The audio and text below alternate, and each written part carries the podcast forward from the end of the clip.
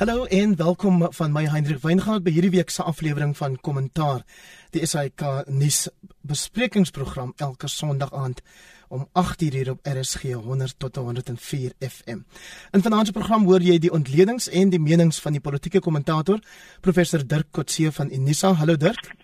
Goeienaand Hendrik. Saam met hom die hoof van internasionale skakeling by die Solidariteit Beweging, Jaco Kleinhans. Hallo aan jou ook Jaco. Goeienaand Hendrik. En dan 'n uh, eh, jonge heer Jan Jan Joubert, die politieke joernalis en skrywer. Hallo Jan Jan. Nie so jonk nie aanweg, maar daarom nog lewendig. Goeienaand almal, luisteraars, mede-deelnemers en meneer Heinrich, jonge heer Weingart homself. Stuur vir ons gerus 'n SMS teen R1.50 elk as jy wil saampraat na 45889. Dit is nou presies 1 jaar na ons die eerste COVID inperkingsmaatreëls in Suid-Afrika gehad het, ervaar het en by nabetragting Jaco, wat sou jy sê was die inperkings 'n goeie of 'n slegte idee? Anders ek dink die probleem is dat ons in Suid-Afrika uh verlede jaar uh op die 27ste Maart uh probeer het om 'n westerse oplossing uh, na te volg, westerse lande na te volg. Jy weet dit wat in Europa gebeur het uh en so aan hierdie hele gedagte uh dat jy met 'n kort uh harde uh inperking uh, die verspreiding van die virus kon beperk kon voorberei vir uh, toenemende gevalle daarvan. Uh, en ek dink ek dink dit was 'n fout geweest. Ek dink die fout was um, uh, om verskillende kante geweest. Dit was uh, aan die, aan die mediese kant die geval. Uh, Definitief van die ekonomiese kant, 3 miljoen mense het in daardie 5 weke van harde inperking hulle werk verloor. En van daardie 3 miljoen mense het 600 000 nog steeds nie uh, weer werk gekry nie uh, daar was enorme ekonomiese verlies gewees uh, en inkomste verlies en dan was daar natuurlik die verskriklike uh, vergrype van uh, sommige lede van die polisie uh, en die weermag wat aan die een kant nie gereed was uh, om die inperking af te dwing nie maar wat aan die ander kant op 'n uiters uh, onverantwoordelike en ongedissiplineerde wyse uh hierdie inperking veral uh in armer woonbuurte en informele nedersettings so probeer afdwing het uh en ons het ons het baie daarvan gesien wat um, wat regtig eintlik uh, iets wat van 'n tragedie was uh, uh, en, en en dit in 'n in 'n tyd waar uh, waar uh, daar eintlik van die politieke leierskap in Suid-Afrika 'n boodskap gekom het om te sê uh, ons moet saamwerk om die verspreiding uh, van hierdie virus in Suid-Afrika te beperk. Ek dink Suid-Afrika se uitdaging is dat ons op soveel vlakke 'n uh, unieke land is, uh, op op soveel maniere uniek saamgestel is ons gemeenskappe, uh, ons ekonomie uh, en en dat ons uh, uh, nie eenvoudig net 'n uh, ander land kon navolg nie. Uh, en en dat ons met ander woorde eintlik 'n unieke oplossing moes skep en ek dink ons het uiteindelik nou 'n jaar later in 'n mate dit wel begin besef. Jy weet, ons kan nie eenvoudig net met komende Paasnaweek hier soos in lande soos Italië nou en so 'n harde inperking gaan instel nie. Dit is dit is daar's eenvoudig nie die beweegruimte daarvoor um, meer oor nie. Ons het ons het anderste soort van oplossings nodig. Maar ek dink ook die die afgelope jaar behalwe vir die vir die verskriklike uh gevolge vir al uh lewensverlies en ook ekonomies het ons ook leemtes gesien uh duidelike politieke leemtes uh wat ontbloot is in ons land. En die en op die oomblik dink ek is ons fokus en moet ons fokus wees uh op die onvermoë om 'n behoorlike inentingsprogram uit te rol. Dit is dis regtig um nie aanvaarbaar dat die een na die ander belofte deur die minister van gesondheid um Willie McKeesey deur die uh regering uh oor inentings dat dit nie nagekom word nie. So ek dink die fokus het redelik uh, daarna verskuif en ek dink die burgerlike samelewing moet moet druk plaas op die regering uh om eerlike antwoorde te gee oor die planne rondom inentings. Jaco het nou daar Jan Jan sommer oor 'n paar van my vrae gehardloop, maar ek gaan nou terug reverse en dan vir jou vra om ook net eers vir ons te sê of jy reken die inperkings was 'n goeie of 'n slegte idee. Ons gaan by inentings kom, ons gaan by ehm um, Paasnaweek kom. Ja, dis nou die ding met Jaco, jy weet, hy dink so vinnig dat mense sukkel om by te bly. Maar ehm um, kyk Heinrich, ek dink daai eerste aankondigings was ehm um, verstaanbaar. Ek dink ons het altyd geweet en mense sien dit nou met hierdie nuwe forme van die virus wat uitkom dat ons hierso op 'n potensiële nagmerrie 'n perfekte storm gesit het juis vanweë die redes waarna Jaco verwys dat die land saamgestel is uit so 'n kontrasterende groep mense en groepe mense wat jy ook al wil gemeenskappe individue hoe jy ook al dit verkies. Maar die lank en kort daarvan was dat ons het altyd geweet dat die uitdagings van die eerste wêreld en die uitdagings van die derde wêreld die gaan altyd hier by ons bymekaar kom en toe gebeur dit nêrens anders as in die Oos-Kaap nie net hoe hulle 'n aggressiewe virus vind en nou sien ek 'n ander oostelike ding Oos-Afrika het nou selfs erger inskryf Liesel de Lange in die rapport vandag. Hmm. So ek dink die aanvanklike besluit verstaanbaar. Eerste fout is gemaak nie deur die regering nie, maar deur die oppositiepolitici wie ek sonder enige uitsondering hier in die beskuldigde bank wil stel soos wat ek dit op daai eerste dag gedoen het toe hulle ingestem het dat daar 'n ramptoestand afgekondig word en nie 'n noodtoestand nie alle leiers van oppositiepartye in die parlement, elke liewe een van die 13 oppositiepartye se leiers het ingestem daartoe en dis hoekom ons sit in 'n situasie waar daar nie behoorlike aanspreeklikheid van die regering is nie want die mense het nie hulle wet geken nie. Daar is nie een van die 13 sover my kennis strek wat eintlik 'n regsagtergrond het nie. En hulle het gedink in terme van noodtoestand soos in die ou dae en nie hulle grondwet goed genoeg geken om te weet dat 'n noodtoestand moet telke male met spesifieke meerderhede in die parlement hernuwe word juis om die vergrype van spesifiek die 60er jare na Sharpeville en die 80er jare onder PW Botha teen te werk. So hulle het gedink dat 'n ramptoestand is 'n goeie ding en in die proses die verantwoord van die verantwoordbaarheid van die regering geminimaliseer. Um ek dink dis 'n ding wat misgekyk word en vir die res onderskryf ek in groot mate wat Jaco sê met dien verstande dat niemand die toekoms kon voorspel toe nie. Um ek het dus 'n mate van empatie met die besluite wat geneem is, maar nie altyd met die manier waarop dit uitgevoer word nie. Ek dink Jaco het na die gevolge redelik stewig verwys. Dirk, jou mening?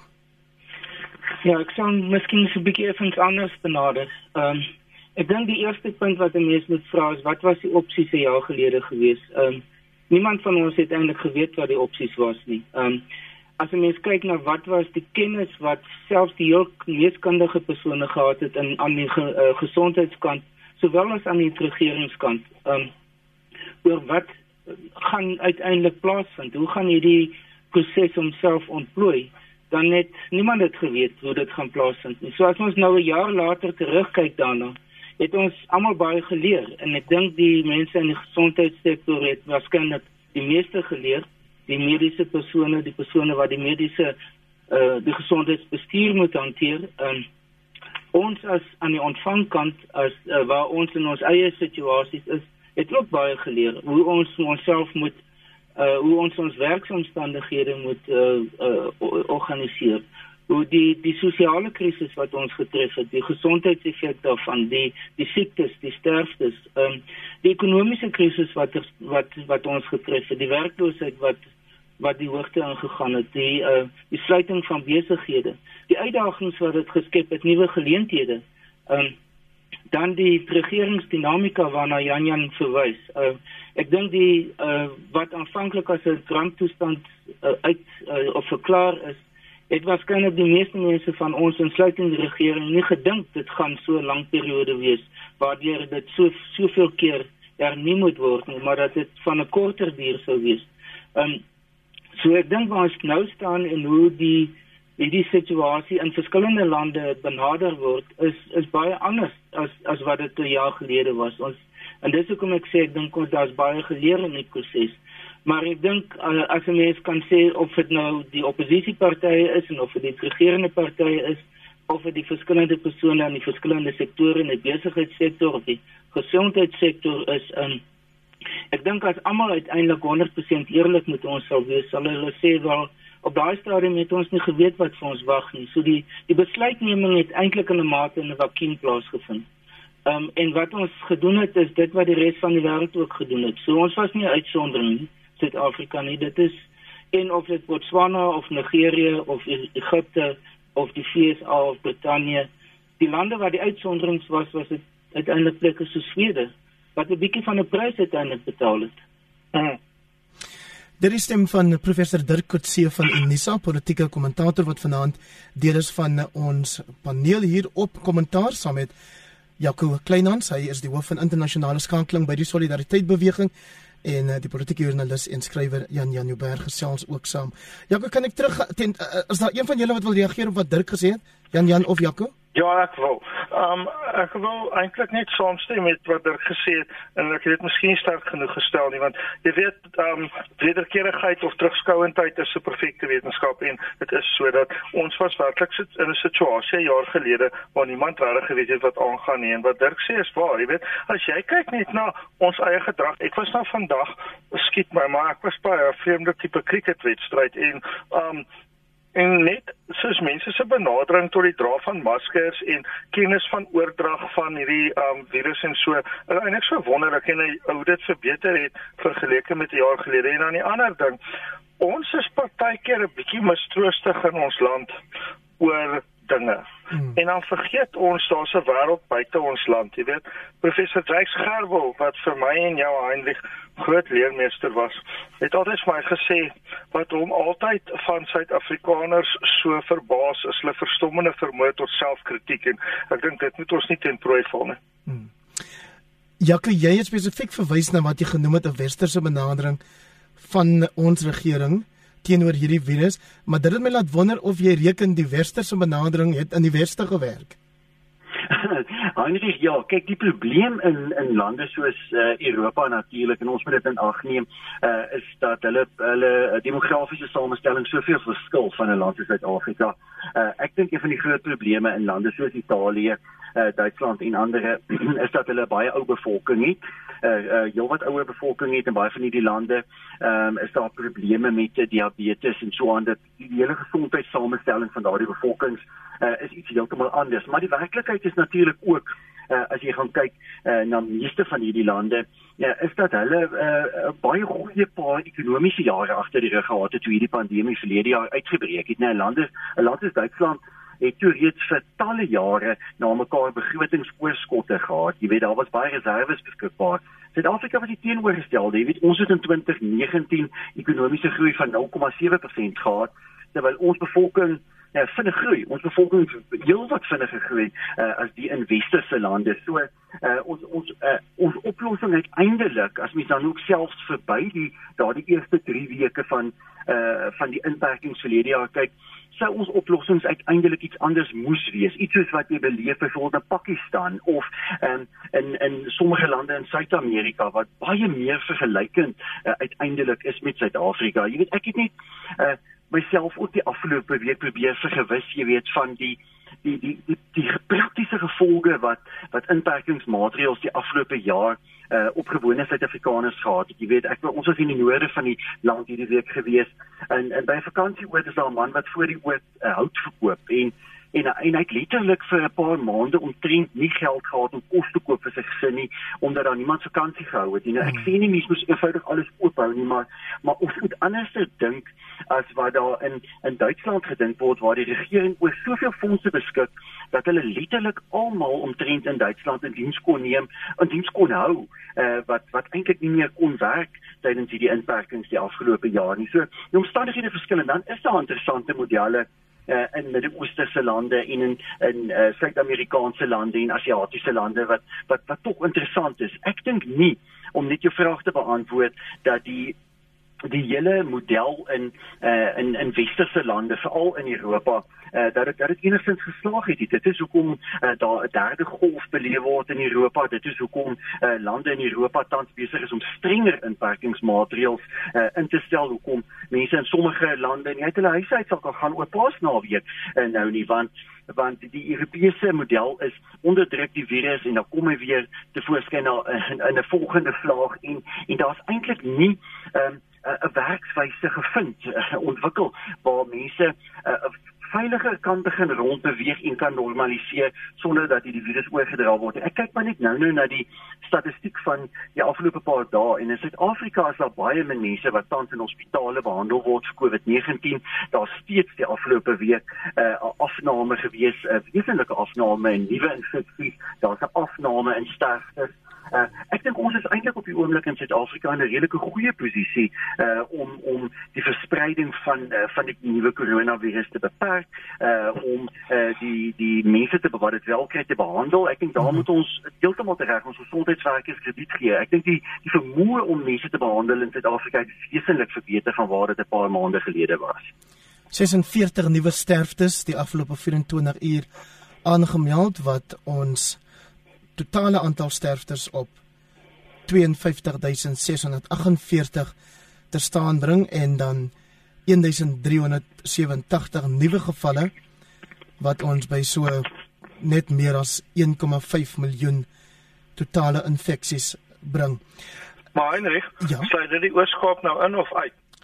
Want ek sien hulle sê nou hulle tel verkeerd. Ek is nou nie seker daaroor Jan Jan, maar jy moet ons maar laat weet dat ons volgende week ehm um, dit ook kan bespreek. Dirk, dalk net ehm um, as jy nou na Jaco geluister het, sê dit vir jou dat die Ramaphosa regering kan ongeken soos wat hierdie krisis is, wel 'n krisis hanteer. Ja, ek dink daar gaan baie groot meningsverskil daaroor wees en dit gaan baie afhang van op watter spesifieke aspekte 'n persoon konsentreer. Ehm um, as dit gaan oor byvoorbeeld sinema die hantering van die mediese aspek daarvan die gesondheidsaspek, gaan daar groot verskeidenheid van menings wees ehm um, van mense wat binne in die stelsel is teenoor mense wat byvoorbeeld uh, aan die ontvangkant is. Ehm um, en dan dieselfde geld aan aan die in terme van die ekonomiese situasie. So dis dis nie 'n eenvoudige antwoord wat mense op op hierdie aspek het nie. Daar sal natuurlik baie mense wees wat sal verwys na die dan die tyd toe Dr. Lamini Zuma baie regulasies uiteindelik uitgevaardig het wat baie vrae oor gevra is. Baie van hulle het in die hof geëindig en wat tersyde gestel is. Dit dis en dis alles aspekte wat ek nou verwys het in die begin of uh, geïmpliseer het um, van wat waar ek dink ons tot 'n mate begin leer het om dit op 'n op 'n bietjie ander manier te kan hanteer. Ek dink uiteindelik gaan dit die die die die groot kwessie gaan wees is waar gaan ons waar gaan ons staan teen die einde van die jaar? Ehm um, gaan daar 'n merkbare vordering wees in terme van inentings? Gaan daar merkbare gaan ons byvoorbeeld 'n moontlike derde vlaag kan dit so laag as moontlik maak want die meeste mense sê dis onvermydelik. Um, ek sien klaar dat by universiteite is dit besig om op te tel. Uh, dit is nog nie baie in die nuus nie, maar ek dink dit is die dis die een van die plekke waar daar 'n groot uitbarsting van van infeksies weer in die baie binnekort gaan plaasvind. Ehm um, so ek dit weer eens is dit in 'n sekere sin is ons in 'n onsekere situasie. En terselfdertyd hoe die regering dus daarop reageer. Ek dink een van die punte wat wat ek gewoonlik maak is deur te sê dat die boodskap van president Ramaphosa as hy hierdie sogenaamde familiebeeenkomste op televisie gehad het, was baie konsekwent geweest. Um sy sy boodskap dwars deur hierdie periode was altyd dieselfde geweest. Um en dit is dat 'n groot deel van die van die die onus rus op ons as as as die lede van die publiek. Hmm um, om uiteindelik te probeer om hierdie die impak van die pandemie soveel as moontlik te beperk om die druk op die gesondheidsdienste ook te probeer beperk om uiteindelik die druk op die ekonomie soveel as moontlik ook te probeer beperk. Ek dink as 'n mens regtig baie brutaal eerlik moet wees, is daar baie mense in Suid-Afrika wat dit geïgnoreer het. Um, en in sommige gevalle wat 'n prys betaal het daarvoor.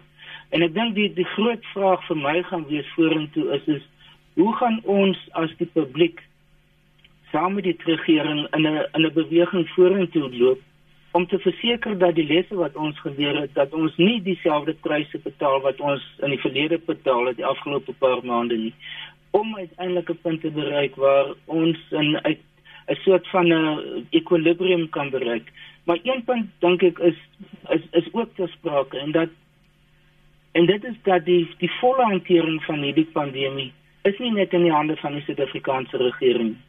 En nou byvoorbeeld ek het vanmiddag 'n berig gelees daaroor dat Suid-Afrika is die land in die wêreld wat die meeste beperkings het of van die meeste lande, ek dink iets soos 122 lande. Laat net nie Suid-Afrikaanse toeriste toe in daardie lande. Nou daar's geen internasionale verkeer dus wat plaasvind nie. Ehm um, en dit gaan uiteindelik beteken dat wat in daardie lande gebeur en in wat in Suid-Afrika gebeur, gaan in tandem met mekaar moet wees. Een land soos Israel wat nou al oor die 100% van hulle bevolking ingeënt het, gaan miskien intern 'n mate van normaliteit kan bereik. Maar hulle kan dit nie in verhouding met die res van die wêreld bereik nie. Voordat die res van die wêreld nie meer min of meer dieselfde posisie of of uh bereik het in terme van van die aanspreek van en die inentingsproses in. So ek, ek dink ons moet vir onsself verstaan dat hierdie ding hierdie pandemie is nie 'n nasionale of 'n interne vraagstuk nie. Dis in 'n iets wat uiteindelik oorspoel na die res van die wêreld toe. En ons is in 'n groot mate gegee Suid-Afrika se internasionale globale posisie as 'n opkomende mark, as 'n mark waar want toe baie mense kom toeriste. Ons het daar baie interaksie tussen ons besigheidsmense en ander in die wêreld. Dat dit beteken ons is geïntegreerd daarin en ons gaan uiteindelik in 'n groot mate op op in 'n in 'n op 'n gesa in 'n gesamentlik op 'n gesamentlike manier gaan hierdie ding uiteindelik afgehandel moet word. En uh, ek is nie op hierdie stadium kyk baie lande na binne veral as dit kom by inentings en die die idee van samewerking met ander lande is 'n bietjie op die agtergrond geskuif. Ek gaan nou vra dat ons nog so 3 minute aan hierdie onderwerp wy en dan wil ek graag aanbeweeg na die volgende onderwerp toe. Jan Jan, 'n vraag wat ek vanmiddag op die program Reliable Sources op CNN gehoor het. Is daar 'n slegte nuus vooroordeel in die wyse waarop die media oor die pandemie verslag doen? Sure. Ehm um, ek dink nie so nie. Ehm um, ek dink die media het nogal die allerbeste gedoen en mense moet altyd onthou die media bestaan maar uit feilbare individue en dis mos is ehm um, Dr. Buthelezi wat aan hierdie dag aanstap na sy 93ste verjaarsdag toe. Um, altyd sê, jy weet, we are sinners who try, ons is sondaars wat probeer.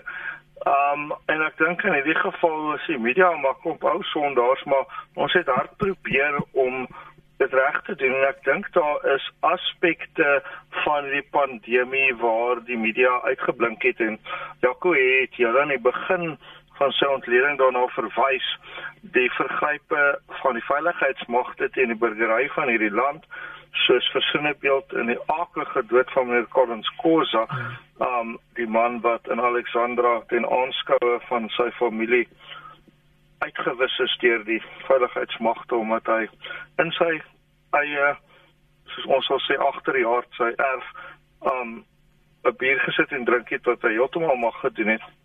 Um daardie tipe van vergrype dink ek sou sonder goeie media dekking baie erger gewees het. Dan dink ek ook dat die media baie hard probeer om 'n inligtingsrol te speel veral um in verband met die voorkoming of inperking van die virus self deur die eie gedrag En dan um, is dit ook so en daar kan ons verwyle meneer Jackson Tembo bedank, miskien ons beste kabinetslid wat ons nou nie meer het nie as gevolg van die pandemie, dat daar volkome um toegang was vir die media in 'n baie groot mate selfs in die inperkingstydperk. So ek dink nie dat daar 'n uh, slegte nuus vooroordeel was in die sin dat um almal soos aasvoels gewag het vir mense om dit te gaan en dan daaroor te berig nie. Um die ander twee here is miskien een tree verder weg van die bedryf af as ek en jy by Heinrich maar um, my gevoel is ons mense het beter gedoen hierin as in sommige ander dinge. En ten spyte van daai goeie werk van die media Jaco, as jy dit kort kan nou asseblief vind 'n mens steeds soos wat ek nou net weer donderdag en vrydag gehoor het toe ons op monitor vrae gevra het oor die 1 jaar van uh van inperking en ook wat mense se paasplanne is nadat hulle nou nie verlede jaar paasnaweek kon vier het. Is daar steeds luisteraars mense in Suid-Afrika wat glo dat hierdie hele COVID of coronavirus ding 'n hoax is in Engels en ek sien Faros gee vir my drie opsies daar: poets, kulery of foppery. ja, eintlik nee, dit is eintlik verstommend, jy weet. Ek ek dink ons verkeer regtig nie net rondom hierdie pandemie nie, uh, maar rondom demokrasie, uh politieke stelsels, baie dinge in die wêreld tans in 'n in 'n krisis met fopnuus wat wat versprei word en uh, wat mense byna uit 'n soort van desperaatheid begin glo. Uh jy sê heeltemal reg, ja later kry ek ook nog op op WhatsApp en op ander uh, kommunikasiekanale uh hierdie soort van gekke video's en goeters wat uh, natuurlik beweer dat hierdie alles opgemaak is of dat dit uh, iets van die internasionale geld mag of die Illuminati of iets is wat ons almal wil beheer en en en so aan. Ehm uh, die dit dit bevestig net en ek wil by Janja net in kort aansluit. Dit bevestig Heinrich waarom die media so belangrik is en ek stem saam. Ek dink die media het 'n goeie werk gedoen en die media moet aanhou uh om om goeie werk te doen. Ons het ons het 'n uh, onafhanklike media baie baie nodig. Uh, as ek het vandag 'n rapport gelees, 'n uh, artikel van uh byvoorbeeld um,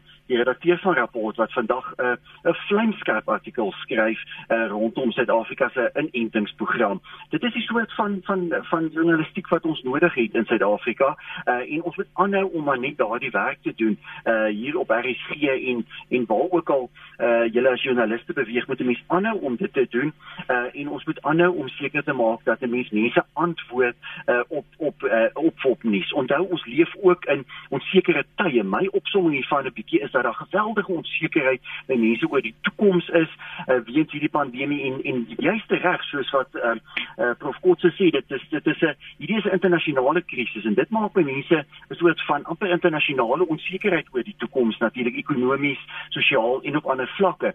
En en mense gryp dis na strooihalms mense gryp na allerlei vreemde soort van teorieë oor hierdie pandemie en 'n mens kan dit maar net aanhou bestry deur sinvolle, goed gebalanseerde beriggewing. Ook Dirk geweldige onsekerheid oor of ons môre of vroeg hierdie week weer 'n familiebyeenkoms sal hê. Ek het vir Tyron Seal die waarnemende presidensiële woordvoerder probeer pols daaroor vanmiddag, maar nie veel reg gekry nie. Maar John Steenhuisen, die leier van die amptelike oppositie, laat ons glo dit gaan wel gebeur. 'n Strenger paas inperking. Ja, wel ek dink ons ons gaan almal spekuleer daaroor. Ehm um, die kanse lyk goed dat uh, president Ramaphosa in sy toespraak weer gaan hou, maar wat presies daar die inhoud daarvan gaan wees, ek dink ons almal draai. Ehm um, ek ek dink wat hy nie gaan kan doen nie is om die die die moontlikheid vir mense, families om bymekaar te kom om dit te beperk. Dat byvoorbeeld die reëlings oor uh, vervoer of um, toegang tot die verskillende provinsies om om dit in te per. Ehm um, wat ek dink wat um, wat wel te sprake is is dat die, die regering is waarskynlik baie konservatief ingestel om te probeer om die om die moontlikheid van 'n derde vlag om dit tot alle uh, om dit te probeer stop tot alle moontlike aan uh, alle moontlike um, en om te voer dat dit plaasvind. So dat daar's twee verskillende druk of die druk wat uit twee verskillende rigtings kom uh, in hierdie geval en ek wil nie 'n president Ramaphosa se posisie wees om die finale besluit te neem. Dit gaan waarskynlik Jan Jan baie mense in die versoeking stel môre as die president um, met 'n streng inperking kom om daai woord te hmm. gebruik of daai uitdrukking wat Dalim Poffo die week gebruik het teenoor minister uh Pravin Gordhan en sy regsverteenwoordiger Michelle Leroux. Op 'n ernstige noot, wat het jy gedink van daai voorval? Allee, ek is gans heeltemal onaanvaarbaar, né? Um ek hou van Dalim Poffo, hy is 'n aangename persoon, maar die gedrag is onaanvaarbaar. Um ek stem my elke Sondag saam met Sunday Times, maar hulle het dit goed opgesom deur dit te noem 'n samevoeging van gebrek aan waardigheid hulle impliseer eintlik gebrek aan opvoeding aan die een kant en aan vroue hatere aan die hmm. ander. Nou maar ons drie manne nou hier vir mekaar sê of hoeveel ons vier manne vir mekaar sê dat ons sou ons miskien nie moet uitspreek oor ander mense se gedrag teenoor vroue terwyl die vroue onderverteenwoordig is en ons in laafwesigheid praat nie. Maar 'n mens maak nie so nie. En um ek het dit verstommend gevind. Party mense sal seker verrassend of of hulle sou dit nie verrassend of verstommend vind nie maar dat die EFF hom verdedig plaas lojaliteit beoordeel. Want um partykeer maak mense 'n fout en dan ons almal maak daai tipe foute en miskien veral wanneer ons onder druk is en hy was onder druk want dinge loop nie goed vir die teenstanders van meneer Gordaan en so in daai sondekommissie nie. Maar om hom te verdedig help niemand nie. Dit tas jou eie waardigheid aan. En ek dink ons almal maak daai foute Heinrich um, en ander panelede dat partykeer doen ons dinge wat ons nie op trots is nie en die beste dan is om dit maar reg te stel en om verskoning te vra eerder as om aan te hou baklei. Nee, 'n laagtepunt, 'n absolute laagtepunt dat 'n um dat 'n advokaat dit vir 'n ander regsverteenwoordiger en vir 'n getuie kan sê ongehoord hopelik nie weer herhaal nie maar my kommer is as die um as die skaap nou eenmaal by die hek uit is, hoe kry jy nou die ander skape om nie agterna te gaan nie? Is 'n advokaat in Pofo verteenwoordig vir Tomoyani voormalige Eskom baas in die Sonderkommissie na staatskaping vir rigtinge. Ekskuus, ekskuus die SARS baas die inkomste diensbaas. Maar dat dit vir my gelyk of sy rooi EFF onderrok behoorlik uithang in sy reaksie teenoor minister Gordon. Jy is heeltemal reg, uh, Heinrich. Dit is dit is werklik maar uh, 'n skokkend gewees, 'n oneerbiedige soort van uh reaksie uh in in veral in terme van die taalgebruik die voortdurende behoefte uh om om ras en en velkleur in te trek uh by hierdie soort van geleenthede en uh daardie Mpofu wat hom daaraan skuldig gemaak het maar ook die EFF die EFF wat nie lank op hom laat wag het om 'n media verklaring uit te reik nie en die EFF wat wat absolute ehm um, rassistiese soort van taal in hulle media verklaring gebruik het. Hulle het onder andere in hulle verklaring gesê dat hulle wil net die publiek daaraan herinner dat uh, ek ek ek probeer nou presies onthou hoe dit was maar iets in die lyn van um, hulle wil die publiek herinner dat Pravin Gordhan nie swart is nie. Ehm um, nou wat dit met enigiets te doen het wat voor die sondekommissie gebeur um, weet ek nie maar dit het absoluut niks daarmee te doen nie. Dalie Mpofu en die EFF het hierdie week weer eintlik hulle self ontbloot dat hulle slegs relevantie kan behou as hulle die rasisme kaart speel. Die hele tyd die rassekaart voortdurend bly speel en ek dink tog ons moet uh, in hierdie opsig krediet gee vir uh, regter ehm um, Zondo, uh, regter Zondo wat baie baie hard hierop gereageer het, baie baie sterk ehm um, uh met pofuse optrede verwerp. Ehm um, en dankie tog dat dat dit wel die geval is. Jy weet, want daar's baie ander regters ehm um, wat ek dalk nie dit van sou verwag het nie maar maar regte Zondo wat nie hier oor doekies omgedraai het wat sy standpunt hieroor is nie maar ek dink tog en ek hoop uiteindelik uh dat dat uit dat meer mense sal kan begin sien dat dat uh, eintlik hierdie hele groepering uh rondom mense so Somoyani en en almal wat wat op een of ander manier by die staatskaping breek betrokke was dat hulle al hoe meer ontbloot staan. Hulle staan regtig soos die keiser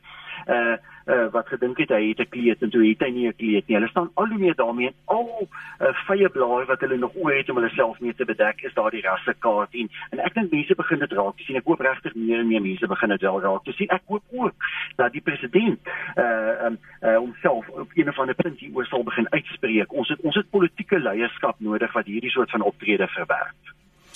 Dirk die keiser van Nkandla is ook in die nuus nadat die konstitusionele hof die sondekommissie se aansoek um, aangehoor het dat hy vir 2 jaar tronk toegestuur moet word vir sy minagting van die hof se bevel dat hy voor die kommissie moet verskyn.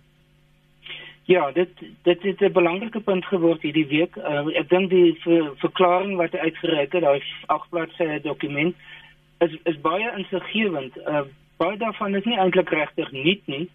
Uh, maar hy herhaal baie van sy argumente wat hy vroeër reeds gebruik het. Uh, En en dit in, in wese kom dit op die volgende neer. Die een is is dat hy argumenteer dat die regters, insluitend die regters van die grondwetlike hof, in 'n groot mate polities gekoopteer is um, in die uh, politieke strategie van uh, president Zuma se opponente. Dat as gevolg daarvan is sy sy geloof um, in in die regstelsel in die algemeen op die oomblik is is is baie problematies vir hom hy hy voel dat hy nie meer regtig die die die regstelsel kan vertrou nie en dat hulle vir altyd hom onregverdig optree. Ehm um, dan sê ag argumenteer hy dat hy net sal teruggaan na die uh, die uh, sondekommissie toe as hy ehm um, aansoek vir um, uh, om om sy uh, aanname of sy vir uh, dat hy dat regter Zondo ehm um, uh, moet tersyde staan mm. as voorsitter van die kommissie dat dit uh, deur die hof oorweeg moet word dat dit hersien moet word. En tot tyd en wel dit nie plaasgevind het nie is hy nie bereid om terug te gaan nie. Maar dan is mense na na die slotsom kyk van dit um, dink ek is dit iets wat besonder problematies vir ons almal moet wees. En dit is dat hy kom tot die gevolgtrekking deur te sê dat ons dat daar besig is om 'n regtelike diktatuur, 'n judicial dictatorship besig is om te ontwikkel en dat dit na sy mening besig is om die demokrasie in Suid-Afrika, dit klink 'n bietjie teenstrydig, maar dat dit besig om dit te ondermyn. Um, Hy sê ook en dit is dit klink amper 'n bietjie soos uh, president Mandela in die Trevania saak in, in 1963 dat hy bereid is om tronk toe te gaan uh, vir sy vir sy oortuigings.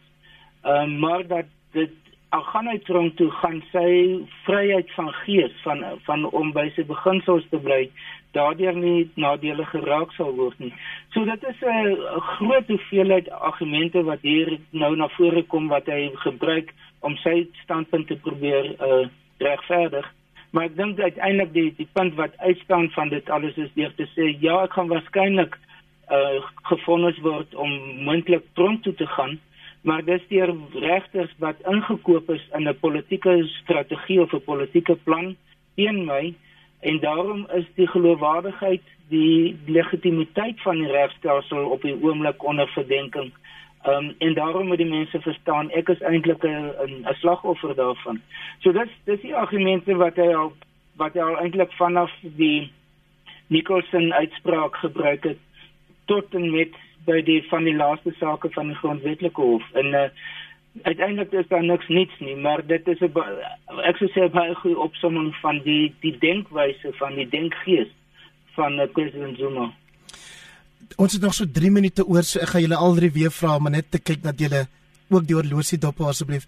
Uh Jan Jan dalk is dit veel van dieselfde argumente wat in daai 8 bladsye verklaring van uh, oud president Zuma uh wat aan bevat is, maar saam met daai argumente ook dreigemente en as ek kan ja. aanhaal uit daai um punt nommer 26 ja. unfortunately when people rise up against mm. this judicial corruption our young democracy will unravel and many democratic gains will be lost in the ashes that will be left of what used to be our democratic state Ja, en dan sê hy hy steun gunstig van die demokrasie en ons moet kyk na regterlike diktatuur. Nee man, daai is 'n benoude kat wat benoude spronge maak, maar dit uit lank naals en hy hy gaan nie hy gaan nie teruggaan om te hap nie en dis die gevaar daarvan. Um dis nou geheime tyd dat dit duidelik is dat hy hom nie gaan um aan die regstelsel onderwerp nie. En in alle eerlikheid is dit min of meer met die logika van 'n 3-jarige wat nie wil gaan slaap nie want hy is nie nou lus om te gaan slaap nie. Um jy kan nie sê op ek dink dit was baie gepaste 1 April as ek reg onthou van watter jaar dit ook al was toe hy hierdie kommissie self ingestel het dat hy volle vertroue het en dan gaan hy ja, met heeltemal onaanvaarbare aanhalings Heinrich. Maar wil Fanny Rapkin het vandag uitgewys in detail in die Sunday Times sodat sy aanhalings is verkeerd. Byvoorbeeld, hy sê regter ehm um, ehm um, regter ehm um, Redime is teen hom Pillay? gekant of uh, Pillay, ja, ekskuus. Ja. Is teen hom gekant en dan is hy besig om aan te haal waar sy besig is om sy opponent se argument um, op te som, nie ja. om 'n bevinding te maak nie. So in kort Heinrich, um, terwyl ons hier horlosie dophou, um, ons staan voor 'n krisis, maar die hof moet doen wat reg is. En advokaat uh, Nukai Tobi wat vir die kommissie baie sterk opgetree het, het gesê nee, hy moet tronk toe gaan en hy moet. En daar gaan gevolge wees en ons gaan gevolge moet dra, maar die gevolge gaan erger wees as hy nie tronk toe gaan nie. Dis tyd. 40 sekondes asseblief Jaco, dink jy nie ons gee vir Jacob Zuma te veel krediet as ons onsself gedurig daaraan herinner dat hy die kommissie ingestel het terwyl hy dit in werklikheid gedoen het omdat 'n hof beslis het hy moet dit doen. Nee, sekerlik so Jacob Zuma ehm um, uh, moet nie te veel krediet kry vir enige poging uh om staatskaping te probeer oopvlek nie. Die werklikheid egter is dat hy min vriende oor het binne die konstitusionele hof en dat hierdie hof uiteindelik sy lot gaan bepaal. En ek dink uh, dit gaan begin om teen Zuma te draai. Breër as dit ehm um, dink ek wel dat daar teen die hele Zuma beweging uh, uh, uh, uh gedraai word. Op die oomblik ons kyk na die nasionale uitvoerende komitee van die ANC se vergadering hierdie naweek Ysmagashule wat toenemend geïsoleer word steun net van 'n minderheids uh faksie binne die binne die ANC en almal ja. breër wat rondom Zuma staan dink ek regtig is is in die minderheid en ek dink dit is die goeie nuus en ek moet ongelukkig daar halt roep Jaco Kleinhans is die hoof van internasionale skakeling by die solidariteit beweging Saam met hom vanaand professor Dirk Coetzee, politieke kommentator en dan die bekende politieke joernalis Jan Jan Joubert. Verskriklik dankie vir julle deelname en baie dankie aan almal wat so getrou inskakel.